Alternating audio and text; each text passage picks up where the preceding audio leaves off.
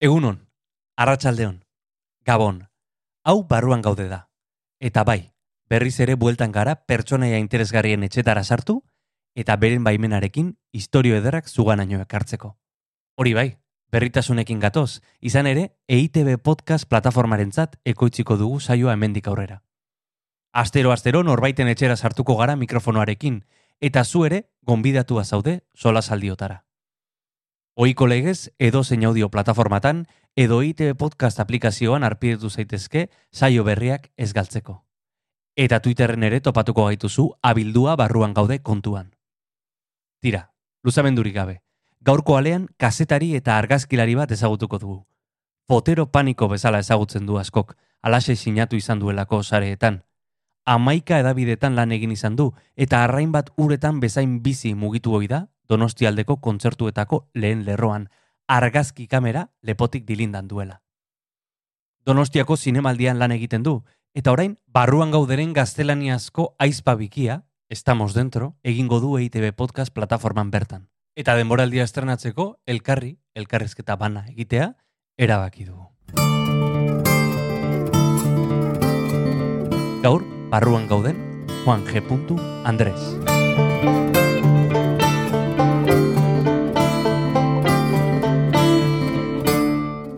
nik hasi nintzen, justo hasi nintzen lanean, e, Lizarrako e, suetena bukatu zenean, eta eta orduan, bon, eta berriz ere hasi izan e, atentatuak egiten, eta izan zen oso, oso orditza, oso latza, eta eta albizte egitako dinamika zoroa, zoroa zen, eta oso mingarria, ez da? Osa, funeralak, e, terroak, eta, eta manifak.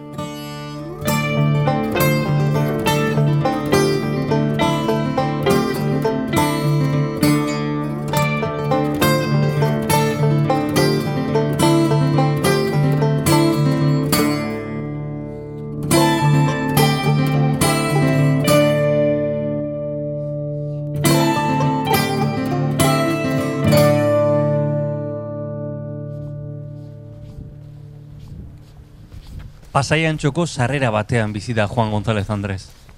Bere espaloia donostia da. Eta parekoa pasai. Bai, Bai, Juan Ninez. apa, Erredakzioak geroz eta meharrago, utxago eta prekarioago bihurtzen ari diren garaiok ez dira xamurrak kazetari izateko. Baina Juanek beti aurkitu du modua, maite duen hori ogibide duin bihurtzeko. Aurrera. Baitu etorri da armak tente. Beti. No, noiz ezkerotik zaude horrela? Dagoeneko ezagun zaizu entzule. Normalean edonoren etxean sartu orduko errazak dira asmatzen, bertan bizi direnen zaletasun eta pasioak. Juanen kasuan ere alaxe da. Liburu eta diskoz estalita baititu paretak. Egin dituen elkarrezketa, erreportaje eta kritika oro zenbatu liteke, etxeko egongelako paretei begira. Eta kasu, ez dira eun eta ez dira mila. Horrela utzi behar duzu demora guzian? Enrek. Ala Juan, nola Kristina Tapia, bere bikotea, kazetaria dena bide batez, lagunak ditut aspadidanik, eta ez da erronka makala lagun bat elkarrezketatzea. Hau oso arraroa da. Zerretik? E... Bueno, le- lehenik eta behin, e, arraroa da, normalean, ni naizelako galderak egiten dituena. Interrogatorio bat. eh. Bai. Bai, in, in- interrogatorio bat, eta gainera lagun batek egiten dizuna, ezta? E, eta e, beste aldean nagoenean, na, beti, be, oza, beti da horakoa, ezta? Bete aldean nagoenean, eta lagun bat e, elkarrizketatu behar dudanean, ere, oso arrotza egiten zait.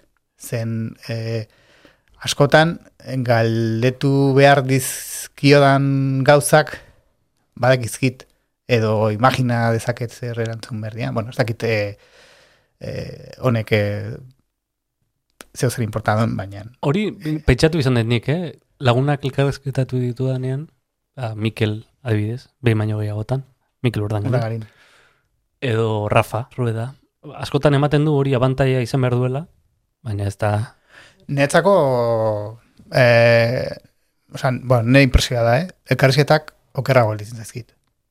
tipoa, osea, beste pertsona ezagutzen duanean, ondo ezagutzen duanean, normalean elkarrizketak okerrago gelitzen zaizkit. Ez nuke asmatzen, asmatuko esaten zergatik, eh? Baina hori, ba, ezagutzen zulako, e, igual e, zarelako hau sartzen hainbat gauza galdetzera, igual bilusiegi utzi behar duzulako, bera, edo... Nun, nun sartu eta nun sartu, ze informazio asko daukazu. Hori da, privilegietua zara, ez da? Mhm. E, e, ez dakit, bai.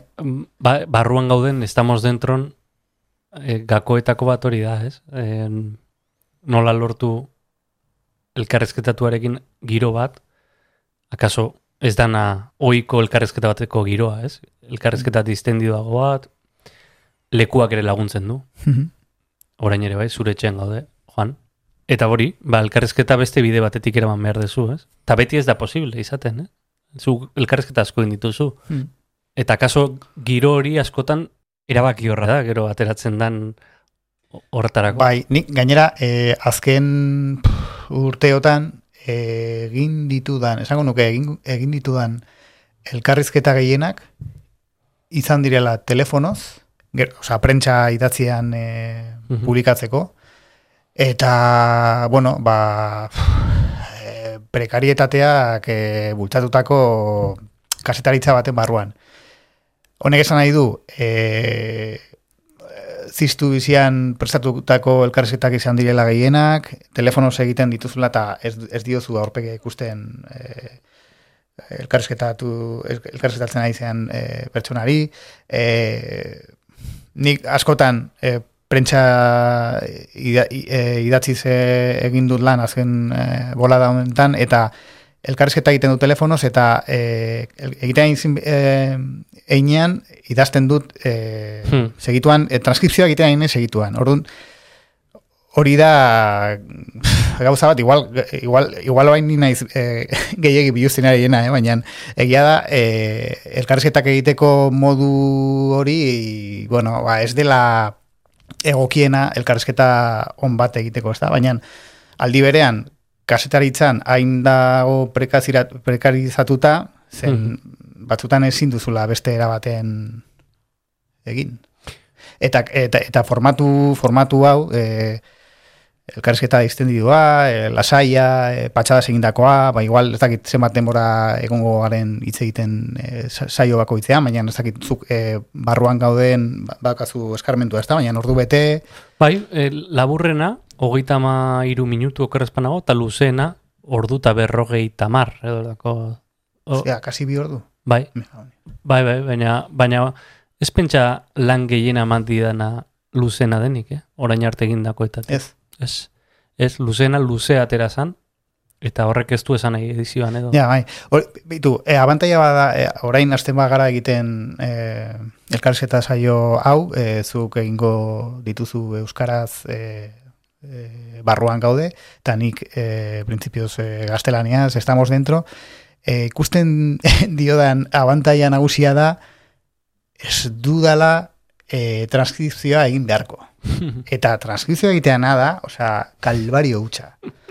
Eta eh, nik ez, ezin dut ulertu nola, eh, hogeita barren, eh, hogeita bat garren eh, mendean, nola ez dagon tresna eraginkorrik transkripzioak zuzen zuzenean egiteko. Osea, Hmm. da, Uste bado dela, tresnak, eh? Ba, hode, baina nik, nik ez dakite eh, hori, eraginkorrak diren. Eta, eta edo, edo transkripzioa egiten dizu, e, solasaldiaren transkripzioa egiten dizu, eta gero joan behar duzu egitatzen behinta berriro zen, bueno, ba, segun eta zea euskera duen e, aurrean duzun pertsona edo zu berak, pues igual ez dizu ondo harrapatzen transkripzioa, ez da? Eta netzako hori da, horregatikan nik askotan egiten dut e, entzuten ari naizen ala, ba, e, idazten ari naiz, tela, oso askarra naiz e, teklatuarekin, baina egia da, e, elkarsketak egiteko modu horrek ez dizula usten batzutan e, e, berriz galde, galdetze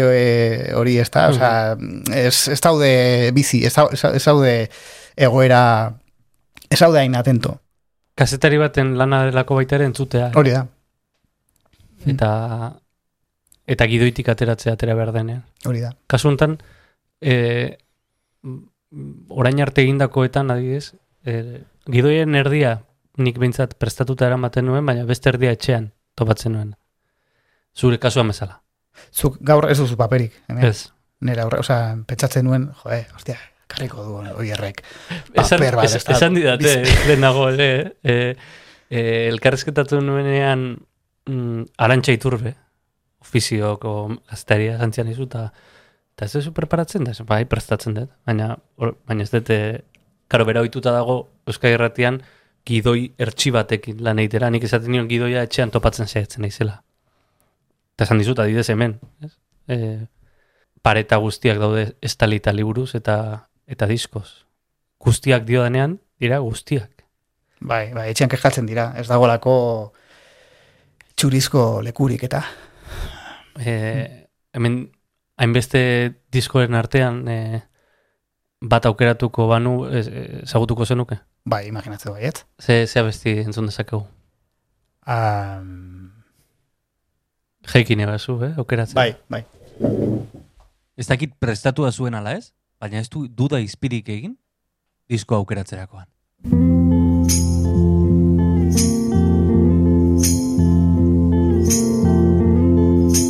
Sometimes I feel so happy.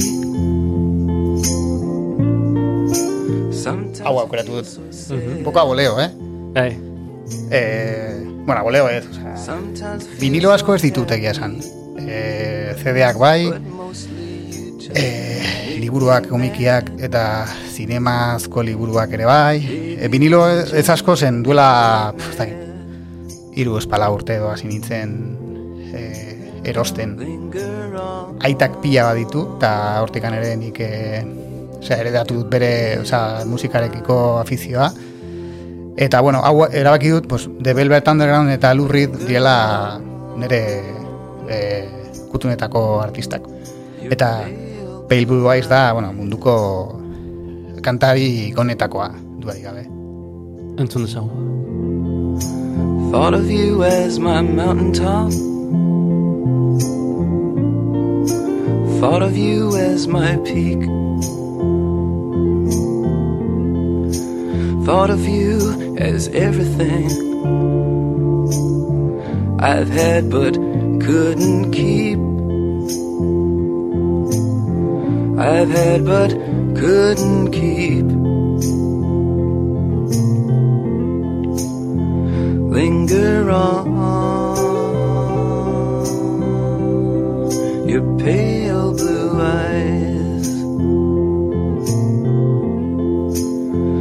linger on your pale blue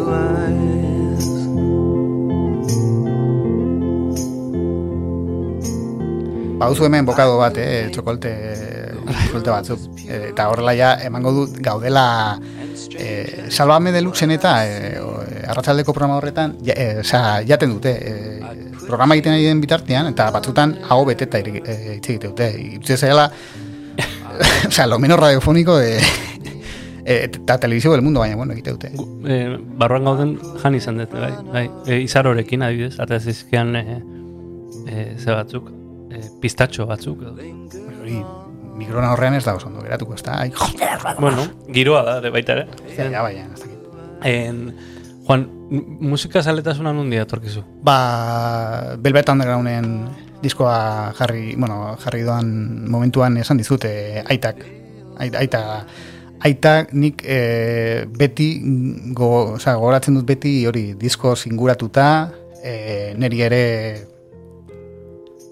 pasio hori transmititu zidan. E, Ez dakit, gainera, disko, oza, taldenak orain ez ditudanak entzuten, eh? Pues, Alan Parsons, eh, King Crimson, eta ne, gainera atentzio handia eh, egiten ziaten haien portadek. Ja, oso koloretsuak, eta eta bueno, eta gero Pink Floyd, eh, Dire Straits izan zen ere ez, eh, lehenbiziko, orain ez da oso ez da oso modan dagoen talde bat, ez da, baina, bueno, netzako bere garaian izan zen, ez dakit, nik amaika urte edo Mhm. nituela. Ze urte eh, esan orduan? Mira, etzen eta lauita mar inguru edo, izango zen, edo bai, hortikan. E, Dire Straitsen azken, azken bira, On Every Street, e, disko, diskoa aurkeztu zutena. Eta hori izan zen nire lehenbiziko kontzertua e, anoetako belodromoan, eta aitarekin joan nintzen.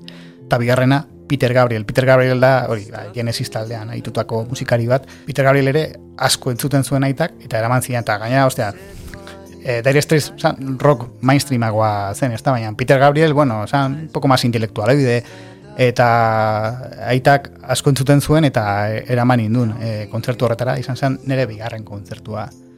Ba, txundituta geritu nintzen, nik, e, anuetako e, belodromoan, ez da, osea, pff, zenbat jende, osea, Ba, orain oso jende gutxi sartzen da, e, segu- segurtasun neurriak dira eta, baina leno garai batean igual han sartzen ziren amala mila lagun edo Hmm. eta kontzertu horietan kontzertu horietara jende asko joan.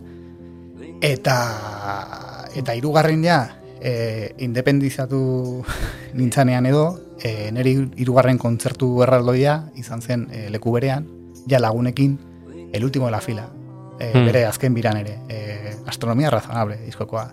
Asko gustatzen zitzaidan. O, Manolo García ez ez zaite bat ere interesatzen baina el último de la fila Kimi Porteten e, karpenarekin ba, izugarri zitzaidan beti izan dut lotura musikarekin eta oso musikazalea izan naiz, baina e, argazkilaritzari esker, esan genezake azken e, amabost urteotan edo berriz ere engantzatu naizela pilo bat, eta egon naiz amaika kontzertutan. Egon dia boladak, ba, hori ba, astean iruz palau kontzertutara joan izela, eta eta hori gainera hori argazkilari, musika argazkilari bezala. E, aitu naiz, argazkilariare, argazkilaritzare asko gustatu zidalako betianik, eta eta bi pasio horiek uztartu uztartzeko aukera eh, eman ditorrek, ezta? Kontzertua kontzertuara jateak. linger on your pale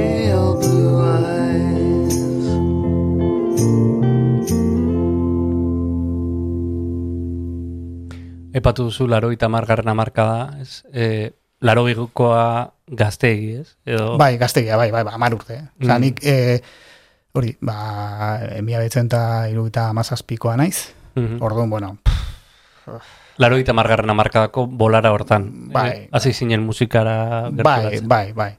Bai, lehen hori bai, eh, eta hori, ba, eh, izan nuen ere malote nintzen garai bat, eta, bueno, pues hori, ba, punk, ta, punk taldeak eh, entzuten nituen, eta, bueno, hori, pues, et- edo eh, kortatu la polla, Hmm. eh, reincidentes eta talde hori guztiak, ez da? Baina beti izan dut, eh, aitari entzundakoak presente, beti izan ditut. Mhm. Talde, talde horiek, talde klasikoak, eta, eta bueno, Donostian hasi zinen? Bai, e, bai, donostian, baina oza, beti mugan. Ni beti esaten du, beti, beti bizi izan naiz e, mugan. Donostian bizi nintzen, baina e, oza, trintxer, berez trintxerpen. Mhm. Trintxerpen zen, zera, e, distritoa edo, baina, e, oza, ofizialki e, e, donostikoa zeran bizi nintzen. Oza, oain, be, oain bezala, orain gaude pasai antxon. Berez, berez pasai antxon gaude, baina, baina e, gu bizigaren ataria da, oza, do- donostia, donostia da. Baina nik eh, espaloia, oza, espaloi batetik batera zeharkatzen baldin badut, nago pasai antxon. Oza, mugan da, oza, gaude, ba hori. Zaborra botatzera pasaian txore jote zaretela. Ez, ez, ez, al revés. Al Pasa- pas, pasaiko, eh, oza, puerta a puerta, bildure, bilduren puerta a puerta famatu hori ontzenean, pasaitar, pasaitarrek, et, pasaitarrak etortzen ziren honea, donostira. Turismoa. Turismo basuril, bai. E, gurasoak estremadurarrak. Aita, Aita. Aita da e, miajadasekoa, e, Estremadurako herri batekoa, e, Kazeresekoa, Mhm. eta, eta, eta ama Salamankakoa. Mhm. Jaio zen Kantalapiedra izeneko herri batean. E, jende guztiak e, irri egiten du, edo barra egiten du. Petzatetulako e, Kantalapiedra esaten denean, hori gaztelania zitzein da, dala asmatutako herri bat, baina existitzen da, Kantalapiedra. Salamankan. Eh, Salamankan, eta ama bertakoa da. Eta, bueno, ba, hori etorri zian honat, pues, eh, hori nere, eh, nerabeak zirela, eta ezagutu ziren. Mhm. Oazen kazetaritza hitz egitera, ze oso oso barruan sartutakasun beste benenoa hori da. E, Bai. Itzein dugu musikaz, benenoa asmatu dugu gutxora noiz sartu zitzaizun, baina kazetaritzaren ere sartu zitzaizun. Eta hemen gaude, ez da? E, Bai, bueno, gu ezagutu ginen notiziaz de Gipuzkoan. bai, bai, bai. O- Oraindik redakzio nahiko eh goratzen naiz kaz, eh, kultura alorrean nerekin lau ginela orduan. Eh euri asko egin du ordutik. Bai. Bai, bai, zu etor, zu etorri zinenean, lau, lau, lau, et- eta, eta zu etorri baina lehen igual bost izan ginen. Ruth, Teresa, Cristina, Joseba, Hmm. Jose Mari, Jose, Joseba Imaz, hori da. Joseba Imaz, bai. Eta, eta nik eh, barkoa utzi nuenean, ni bakarra nengon, eh, sekzioan. Orduan, bueno, bai, eh, bai, horrek ematen dizu neurria, ezta? Eh, eh, pff, nolatan aldatu, aldatu den Urte gutxitan, gainera. oso ortu gutxitan, bai. Hmm. Eh, kazetaritza, no? nundi datorkizu bokazioa? Jo, ba, nik esango nuke, eh, ba, ez, ez, naizela kasetaria istripuz, eh, baina, eh, a ber, eh, nik idaztea beti gustatu zait pila bat. Baina fikzioa idazte, idaztea, eta, eta ipuinak, eta bueno, bere garaian eh, lehiaketa bat edo beste eh, irabazi nituen, eta eta, claro, nik ne- nere amak, eh, nere amaren familian eh, aitonak eh, epaitegian lan egiten zuen, E, nere ama ere erdi funtzionaria zen, eta bueno, e, nahi zuten zuzen, zuzen bidera bideratzea, ez da? Pues un trabajo decente, no? E, Betikoa. bai, e, seguruagoa edo denalakoa. Baina nik e, idaztean nuen gustoko. Orduan izan zen oso simplea, izan zen e, reflexioa. Idaztea gustatzen zait, pues, zein pues, kasetaritza. Hmm. Gero, pf, ostea, e, sartzen zea karreran, e, nik EH1 egin nuen, eh?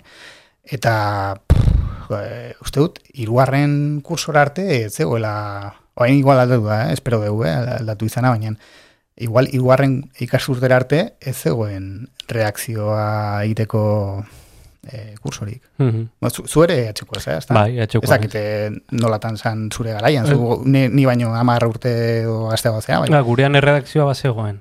E, e, baina gurean, or, bat zegoen, baina oso berandu, oza, eh, en plan, eh, hori, irugarren Hmm. kursotik aurrera, eta zen, como, ostras, Ja, bai. Bueno, nik bai sumatzen nuen e, realitatetik urrun, eh? E, karrera, zentzu askotan. Eta akademia. E, kazeteritza dago gionean. Egia da irakasle oso onak izan nituela. Baina, esango nuke gehiena kanpo, kanpo ikasi nuela. nik ere bai. Nik eginen, oh, eh, objetore izan nintzen, eta, eta mm, hori, ba, gurutze gorrira, oza, nik, eh, pena daukat zen, ez nintzen ausartu eh, insumisoa izatera. Hori da nik benetan nahi Hmm. nuena, baina, bueno, ez nuen adorerik izan, eta, bueno, erdi bideko bidea eh, hautatu nuen, eta objetore izan nintzen. Eta, hori, gurutze gorrira joan, eh, joan ordez, a, ne- nire belauneleko jende asko joaten zen eh, gurutze gorrira. Ba, nik bideo tailer batean eh, apuntatu nintzen, altza, altza auzoan edo altza herrian, zen hor, hor ere urte asko bizi izan naiz. Eta utzoko zea ba, albisteak ematen genituen, bi, Mhm. bideo, bideo formatuan. Hola, bueno, oso oso prekarioa zen ere, baina, bueno, hor ere, ba, Premiere eta olako programekin editatzen ikasi nun, nire lagun bin batekin, Fernando orain gideloria da, Fernando Rodríguez, eta oso ondo pasatu genuen. Eta hor, osea, e, hilabete horietan guztietan, hilabete bi urte, ez, egia esan ez daki, ez, ez, nuka asmatuko esaten zenbate urte izan zinan, baina igual bi urte, edo urte terdi, edo, edo hilabete batzuk, hor ikasi nuen karrera guztian baino gehiago. Hori, osea, hori izan, hori izan zen ere eskola, e, errenteriko irrati taierra, altzako irrati taierra, orain kasares irratia dena, horre ere e, pro, zine programa, zinema programa bat geneukan, eta, eta bai, e, hori izan da nere, nere kasetaritza eskola zen, oza, jo, ematen du pizkat, e, zoazela de guai, no? Baina nik karreran oso gutxi Hmm. ikasi nuen. Osea, oso oso gutxi eta e, zuk e, zorioneko zu esan duzulako irakasle honak izan zenituela, baina nik e, ostia, akoratzen naiz. Eta barkatu aipamena egiteagatik, baina akoratzen naiz Cesar Kokarekin indarrean jarraitzen du gainera, Mhm. mm el correon eta tipo baia pista galdu diot Jose Maria Camino, bi hoiek aipatu ditzaket. Ez, dak, ez dakit igual, hogeita mar irakasle inguru izan dituen, eh? Mhm. Bi hoien izenak bakarrik gogora ditzaket. Baina bai, ofizio hau e, ibiltzen ikasten da, ez da? E, Radio Nacional Española nahi ibili zinean. Hori izan zan ere lehenbiziko lana. Mhm. Radio Nacional de España, bai. This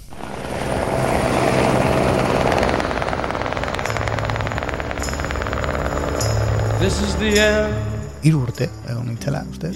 E, hasi nintzen praktiketan, eta gero ordezkapen bat egin nuen, bi urteetakoa, eta, eta bueno, ondo egon nintzen. Besteak beste, donostiar kazetari honek bezala, zinemaren inguruko kronikak egiten. Es el comienzo de Apocalipsis Now, el descenso a los infiernos de Martin Sin, un militar que remonta el río Nug rumbo a Camboya con el objetivo de acabar con la vida del coronel. Ondo, oso hor, hor bai, hori, hori, hori ere izan, hori, hori ja izan zan eskola, bai, baina ja, eh, lanean nengoenean, ez da? Jo, hor, pues, este Remiro, Argido Ronsoro, eta holako, ostia, kasetari veteranoak, eta eta asko, asko ikasi nuen haiekin.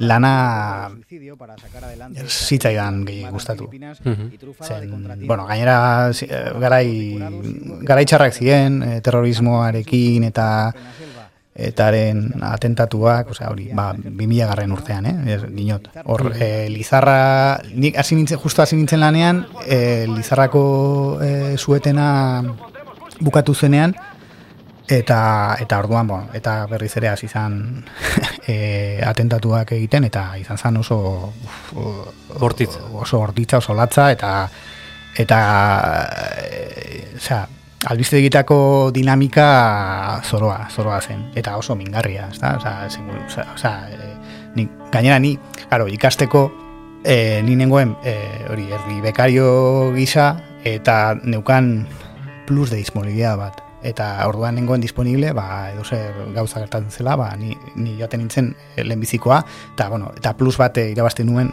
horren truke ez da.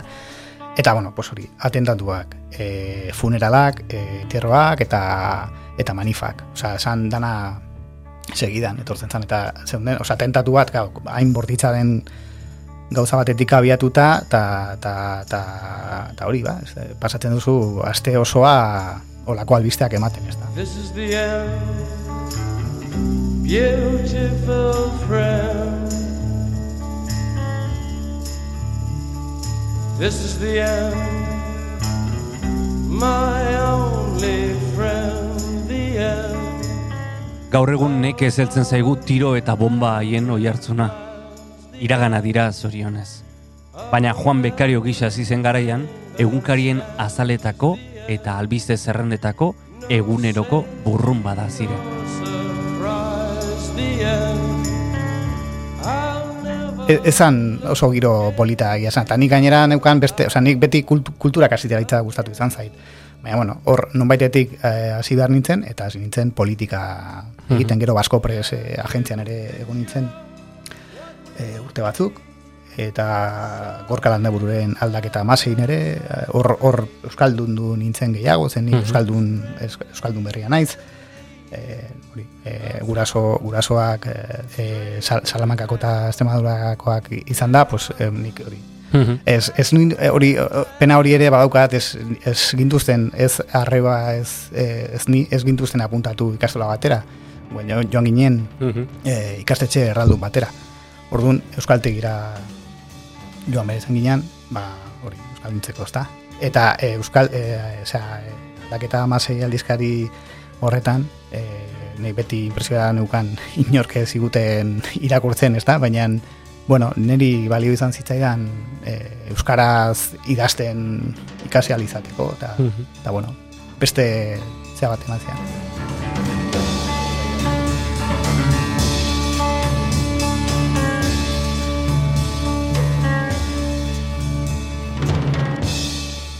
Euskara sinatu izan ditu elkarrezketa eta erreportajeak Juan G. Andresek, ala notiziaz de Gipuzkoan nola diario basko egunkarian. Eta idatzizko prentxan lan egin ostean, berriz ere audiogintzara egin du. Estamos dentro podcastarekin. Bai, bai, se cierra el círculo, ¿no? Eta orain etxen barruan sartu behar. Allanamiento de morada, ¿no? Hori da. Bai, Ez da bai, izen txarra hori, eh? bai, bai, izan daiteke. Preste egon behar da, eh? eh segun ze etxetan sartzeko. Bai, ez dakit, e, jo, gainera orain COVID-eko kontuarekin, e, hasi gara ja produkzioa egiten, eta eta deiak egiten, eta Osta, e, jendeari kosta egiten zaio, eh? zaio, bai. E, nik uste, osea, nik uste dut kosta egiten zaiola, e, bueno, ba hori, ba, edo norrez duzulako gonbidatzen zure etxera, ban gero ere, pues, a ber, no? E, sartze, sartu behar den hori, e, naiz eta esaten diozun, kosta dela maskaria eta e, segurtasun neurri guztiekin, baina, bueno, bada, Berez, berez bada biluzte ariketa bat etxera sartze, sartzen ustea, ez da? Eta nik uste mm, formatuak berak irabazi duela, ez? E, jendeari gustatu zaiolako entzun duena, ez? Zezgoaz irudiakin, hori ere bai, ez? Audioa bakarrekan. Jendea sartzen da etxetara, baina bakarrik entzuten du, ez? Entzu, Eta imaginatu behar du ikusten duguna. bai, baten batek esan dit, e, jo, e, txugundu barko dute etxea, ba, lasai, lasai, zi, ez da, mikrofonekin bakarrik joango gara, eta gero deskripzioa egin- egingo dute, da- dana, dagoela, super ondo, ez da, bere tokian, eta, bai, eta, eta hori, ez dakit, Barruan gaude. estamos dentro, bai, Estamos dentro. bueno, pues, zorte on, Berdin. lagun. Berdin.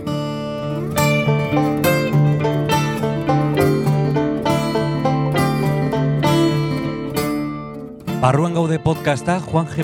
Andresek egiten duen Estamos Dentroren aizpada. Ura ere, audio plataformetan eta EITB podcast aplikazioan topatuko duzu. Arpidetu eta partekatu lagun eta zenidekin. Eta gustatu baldin bazaizu, gomendatu sare sozialetan. Ikaragarri eskertuko dizugu. Besterik ez, datorren asteran.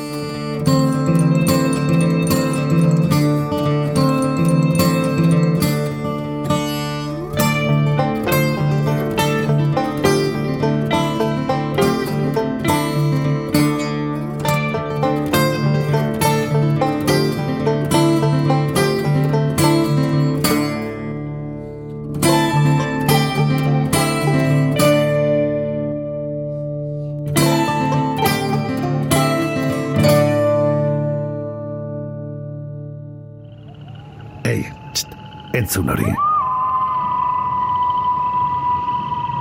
Ulu Media.